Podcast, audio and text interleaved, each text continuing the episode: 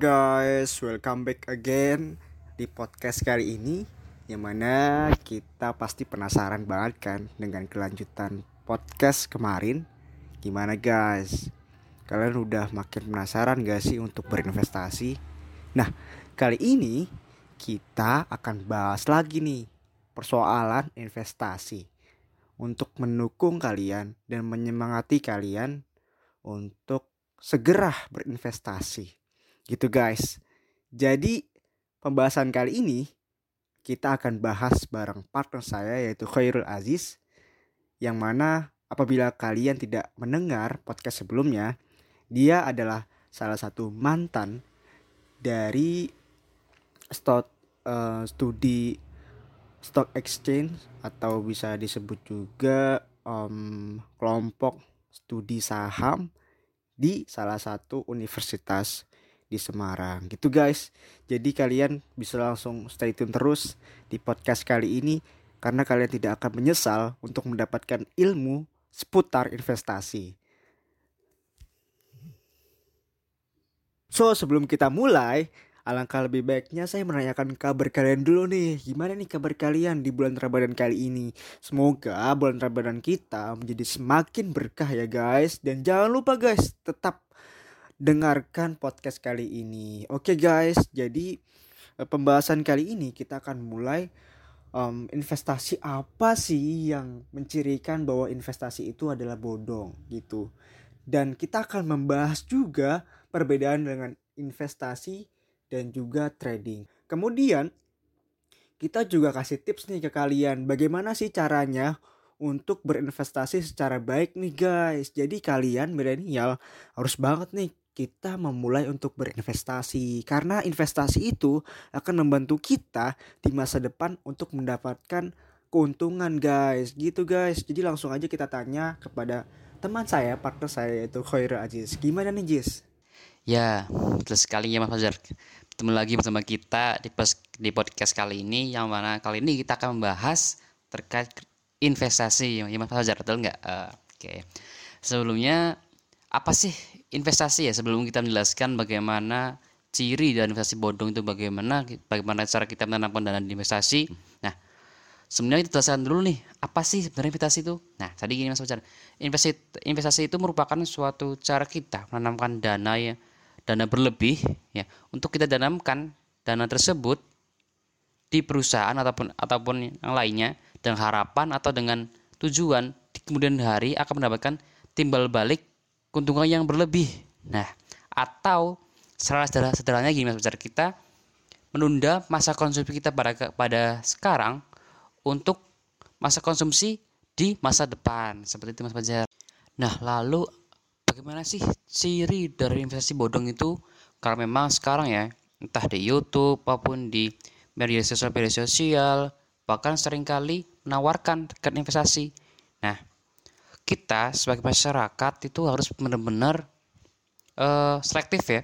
Apakah itu memang benar-benar investasi yang menjanjikan atau memang investasi itu bodong ya. Dan bagaimana sih cirinya yang menandakan bahwa investasi yang ditawarkan tersebut adalah investasi yang bodong. Nah, yang pertama gini Mas Fajar, yang pertama investasi tersebut itu tidak ada izinnya atau tidak ada yang mengawasinya. Jadi gini, investasi yang memang benar-benar real itu pasti ada beberapa pihak atau dari pihak-pihak tiga yang pastinya memiliki otoritas yang lebih tinggi yang mengawasi jalannya atau prosesnya investasi Mas Bajar sehingga apa?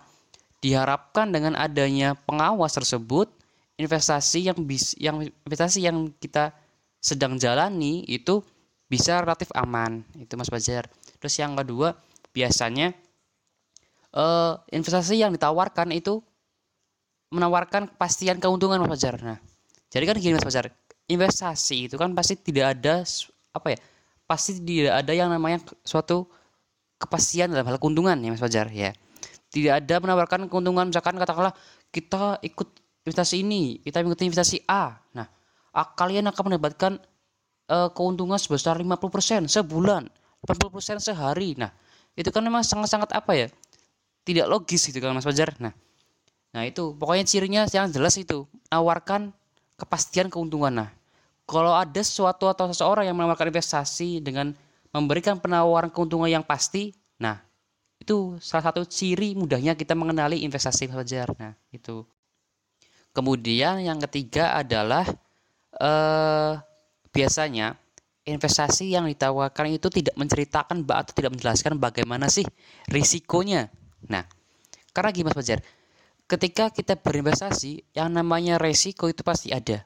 Risiko itu pasti ada. Dan seperti yang saya jalani sekarang atau yang sedang saya investasikan kan saya sekarang sedang berinvestasi di dalam bidang pasar modal. Salah satunya adalah saham. Nah, di saham itu ada resikonya Mas Fajar ada resiko dan sering kali dijelaskan bagaimana sih resikonya. Nah, jadi kalau kita kalau kita ditawarkan sebuah investasi dan tidak jelaskan bagaimana risikonya atau risiko yang mungkin bisa dihadapi, nah itu ciri salah satu ciri bahwasanya investasi itu adalah investasi bodong. Nah, gitu Mas Fajar. Nah, gitu guys, caranya untuk membedakan antara investasi yang baik dengan investasi yang bodong. Jadi kita juga harus tahu nih, apakah investasi itu telah terdaftar di OJK atau belum. Jadi kalau kita ingin tahu ketika dia menyediakan investasi, maka dia juga harus terdaftar tuh di OJK. Dan juga kita juga harus um, tahu banget nih kalau semisal dia memberikan iming-iming um, keuntungan yang besar maka itu udah terindeteksi bahwa dia melakukan penipuan atau investasi bodong. Gitu guys. Jadi kita harus banget selektif untuk memilih investasi yang baik untuk kita gitu nah lanjut lagi nih guys dengan pertanyaan berikutnya nah apa sih perbedaan antara investasi dengan trader atau trading gitu guys. Kita juga harus tahu banget nih banyak tentang perbedaan itu karena itu cukup signifikan ya guys perbedaannya gitu. Gimana nih Jis perbedaannya antara investasi dengan trading? Oke, lalu kalau kita berbicara terkait investasi, khususnya investasi saham, pasti masyarakat kita mengenal dua hal atau dua spesies istilahnya lah seperti itu, yaitu trader dan juga investor. Nah, lalu apa sih yang membedakan antara kedua hal ini? Yang pertama trader ya. Trader itu adalah seorang yang melakukan aktivitas jual maupun beli saham itu berdasarkan analisis teknikal ataupun berdasarkan atau jangka waktunya adalah jangka waktu yang pendek. Yang mana analisa yang digunakan adalah berdasarkan grafik-grafik, berdasarkan volume, berdasarkan historical data, dan lain, dan lain sebagainya. Nah, namun apabila kita berbicara tentang investor, investor itu adalah orang yang melakukan aktivitas jual maupun beli sahamnya itu untuk jangka panjang Mas Fajar. Untuk jangka panjang dan juga analisa yang digunakannya adalah analisa fundamental. Jadi berdasarkan laporan keuangan dari perusahaan. Apakah laporan keuangan perusahaan tersebut sehat? Apakah laporan keuangan tersebut bagus baik? Apakah labanya? Labanya itu bertumbuh? Dan lain sebagainya. Seperti itu Mas Fajar dan mungkin ini Mas Fajar sering kali terjadi hal yang mungkin menjadi hal yang sering dipermasalahkan Mas Fajar oleh seorang investor nih Mas Fajar jadi gini eh, awal-awal awal ketika ingin niat berinvestasi di saham itu mereka yang berinvestasi. Artinya untuk ingin jangka panjang. Nah tetapi ketika harga saham tersebut langsung turun mereka langsung resah. Mereka buru-buru jual mereka buru-buru sell uh, sahamnya mereka punya. Nah ini hal yang perlu kita rubah pola yang seperti ini kita, kita harus dirubah karena ketika kita sudah berniat untuk berinvestasi maupun harga tersebut turun, turun drastis ataupun bagaimana, ya sudah, biarkan saja. Karena ya tujuan kita kembali lagi untuk jangka panjang, untuk satu tahun ke depan atau beberapa tahun ke depan. Jadi nggak usah perlu risau ataupun nggak usah panik lah istilahnya seperti itu. Kecuali kalau kita awalnya berniat menjadi seorang trader, artinya ketika artinya kita tuh berfokus terhadap perubahan harga. Ketika harga naik, kita gimana, harga turun gimana. Uh, seperti itu Mas Fajar yang penting kita tuh kalau kita dari trader harus tahu kapan sih momen atau waktu yang pas ketika kita harus menjual maupun kita harus membeli saham. Nah, itu. Jadi intinya ketika kita ingin berinvestasi di saham, kita tuh harus apa ya istilahnya? mengenali terlebih dahulu. Ya, artinya teman-teman kalau bisa ketika berinvestasi kenali dulu sih perusahaannya. Kenali dulu prospek sektor yang akan kalian beli itu bagaimana? Apakah memiliki sektor apakah memiliki prospek yang bagus? Nah, itu teman-teman. Nah gitu guys cara membedakannya antara trading dengan investasi biasa yang mana kalau semisal kita ingin trading berarti kita menginvestasikan uang kita secara jangka pendek gitu guys. Jadi mungkin kita lanjut lagi ya guys dengan pertanyaan berikutnya yang mana kita akan bahas nih tentang tips dan strategi um, menginvestasikan uang kita secara aman. Yang mana kita telah melihat bahwa saat ini pandemi COVID-19 menurunkan semua harga saham dan juga hal itu mengakibatkan rendahnya tingkat investasi di Indonesia saat ini gitu. Jadi bagaimana sih cara kita mengetahui dan strategi apa, apa saja sih untuk memilih perusahaan yang tepat gitu guys. Oke lanjut lagi dengan pertanyaan ini gimana nih Jis menurut kamu? Dan lalu bagaimana sih tips maupun strategi ya supaya kita bisa berinvestasi dengan baik ataupun minimal aman lah dana kita. nah, yang pertama teman-teman ketika ini berinvestasi khususnya investasi saham, yang pertama adalah kalian mengenali perusahaan yang akan kalian beli. Nah, kalian kenali bagaimana sih pertumbuhan mereka, bagaimana sih pertumbuhan laba dari uh, perusahaan yang akan kita beli. Nah, itu. Kemudian uh, diversifikasi teman-teman. Jadi ada istilah gini, don't put don't put egg in one basket. Nah, jadi itu jangan apa ya menaruh satu jangan menaruh atau menanam dana di sektor yang sama karena apa ngapa karena ter, eh, takutnya adalah ketika terjadi hal yang tidak diinginkan eh, saham kalian pasti akan turun drastis teman-teman nah itu dan juga tentunya manajemen portofolio manajemen resiko lah istilahnya seperti manajemen resiko. Jadi teman-teman jangan menanamkan dana kalian semuanya dihabiskan untuk satu perusahaan. Jangan. Kalian tanamkan dana kalian ke sektor-sektor yang memang memiliki prospek yang bagus seperti hal dan lalu bagaimana sih tips maupun strategi ya supaya kita berinvestasi dengan baik ataupun minimal aman lah dana kita. Nah yang pertama teman-teman ketika ini berinvestasi khususnya investasi saham yang pertama adalah kalian mengenali perusahaan yang akan kalian beli. Nah kalian kenali bagaimana sih pertumbuhan mereka bagaimana sih pertumbuhan laba dari uh, perusahaan yang akan kita beli. Nah itu. Kemudian uh, diversifikasi teman-teman.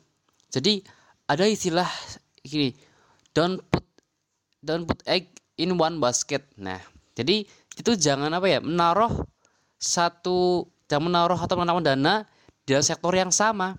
Karena apa ngapa? Karena ter, uh, takutnya adalah ketika terjadi hal yang tidak diinginkan uh, saham kalian pasti akan turun drastis teman-teman. Nah itu.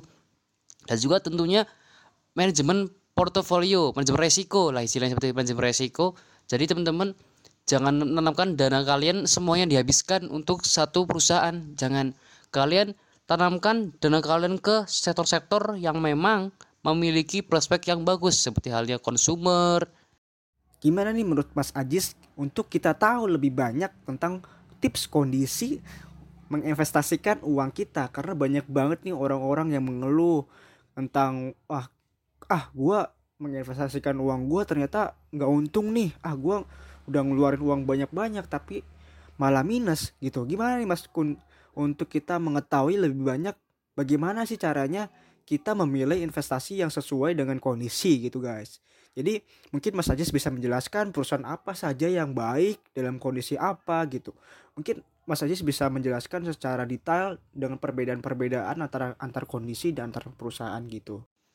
Nah, kalau saya bisa menyarankan, apalagi ketika kalian ingin berinvestasi di pasar saham dengan kondisi seperti sekarang, saya menyarankan kita berinvestasi di sektor uh, consumer teman-teman. Karena sektor consumer ini merupakan sektor uh, defensif atau saham-saham defensif di mana ketika dalam kondisi apa pun uh, pergerakan saham mereka itu masih stabil teman-teman. Karena logikanya gini uh, konsumer itu setiap hari atau setiap waktunya pasti produknya akan digunakan oleh masyarakat. Dan kondisi apa pun pasti bakal dibutuhkan. Contoh nah kita dengan kondisi uh, masyarakat Indonesia sebanyak 290 juta jiwa bayangin aja kalau mereka mengkonsumsi semua produk ya kan bagaimana bayangin deh bayangin uh, harga sahamnya gimana akan bergerak naik atau bahkan bisa stabil meskipun dengan kondisi yang sekarang. Karena dengan kondisi yang sekarang eh, dengan kondisi adanya wabah Covid meskipun perusahaan terganggu tetapi konsumsi bakal tetap ada. Nah, gitu guys caranya untuk kita terus berinvestasi yang mana kita juga jangan sampai nih terkena investasi yang bodong. Karena tadi Mas Aji sudah cerita banyak bagaimana caranya untuk kita menjaga dan kita selektif untuk memilih investasi apa yang sesuai dan investasi apa yang tidak boleh kita investasikan. Dan mana tadi juga Mas Aji setelah menceritakan perbedaan antara investasi dengan trading gitu guys.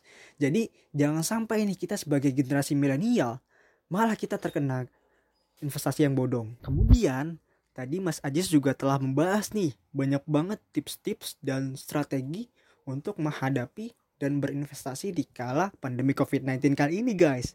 Jadi kalian jangan sampai tertinggal podcast kita ya guys sampai tanggal 25 Mei 2020 guys karena kita akan bahas banyak banget seputar bisnis konvensional dan bisnis syariah dan ataupun semuanya perihal ekonomi di Indonesia. Gitu guys. Jadi tetaplah semangat untuk berpuasa, stay safe and stay healthy. Bye bye.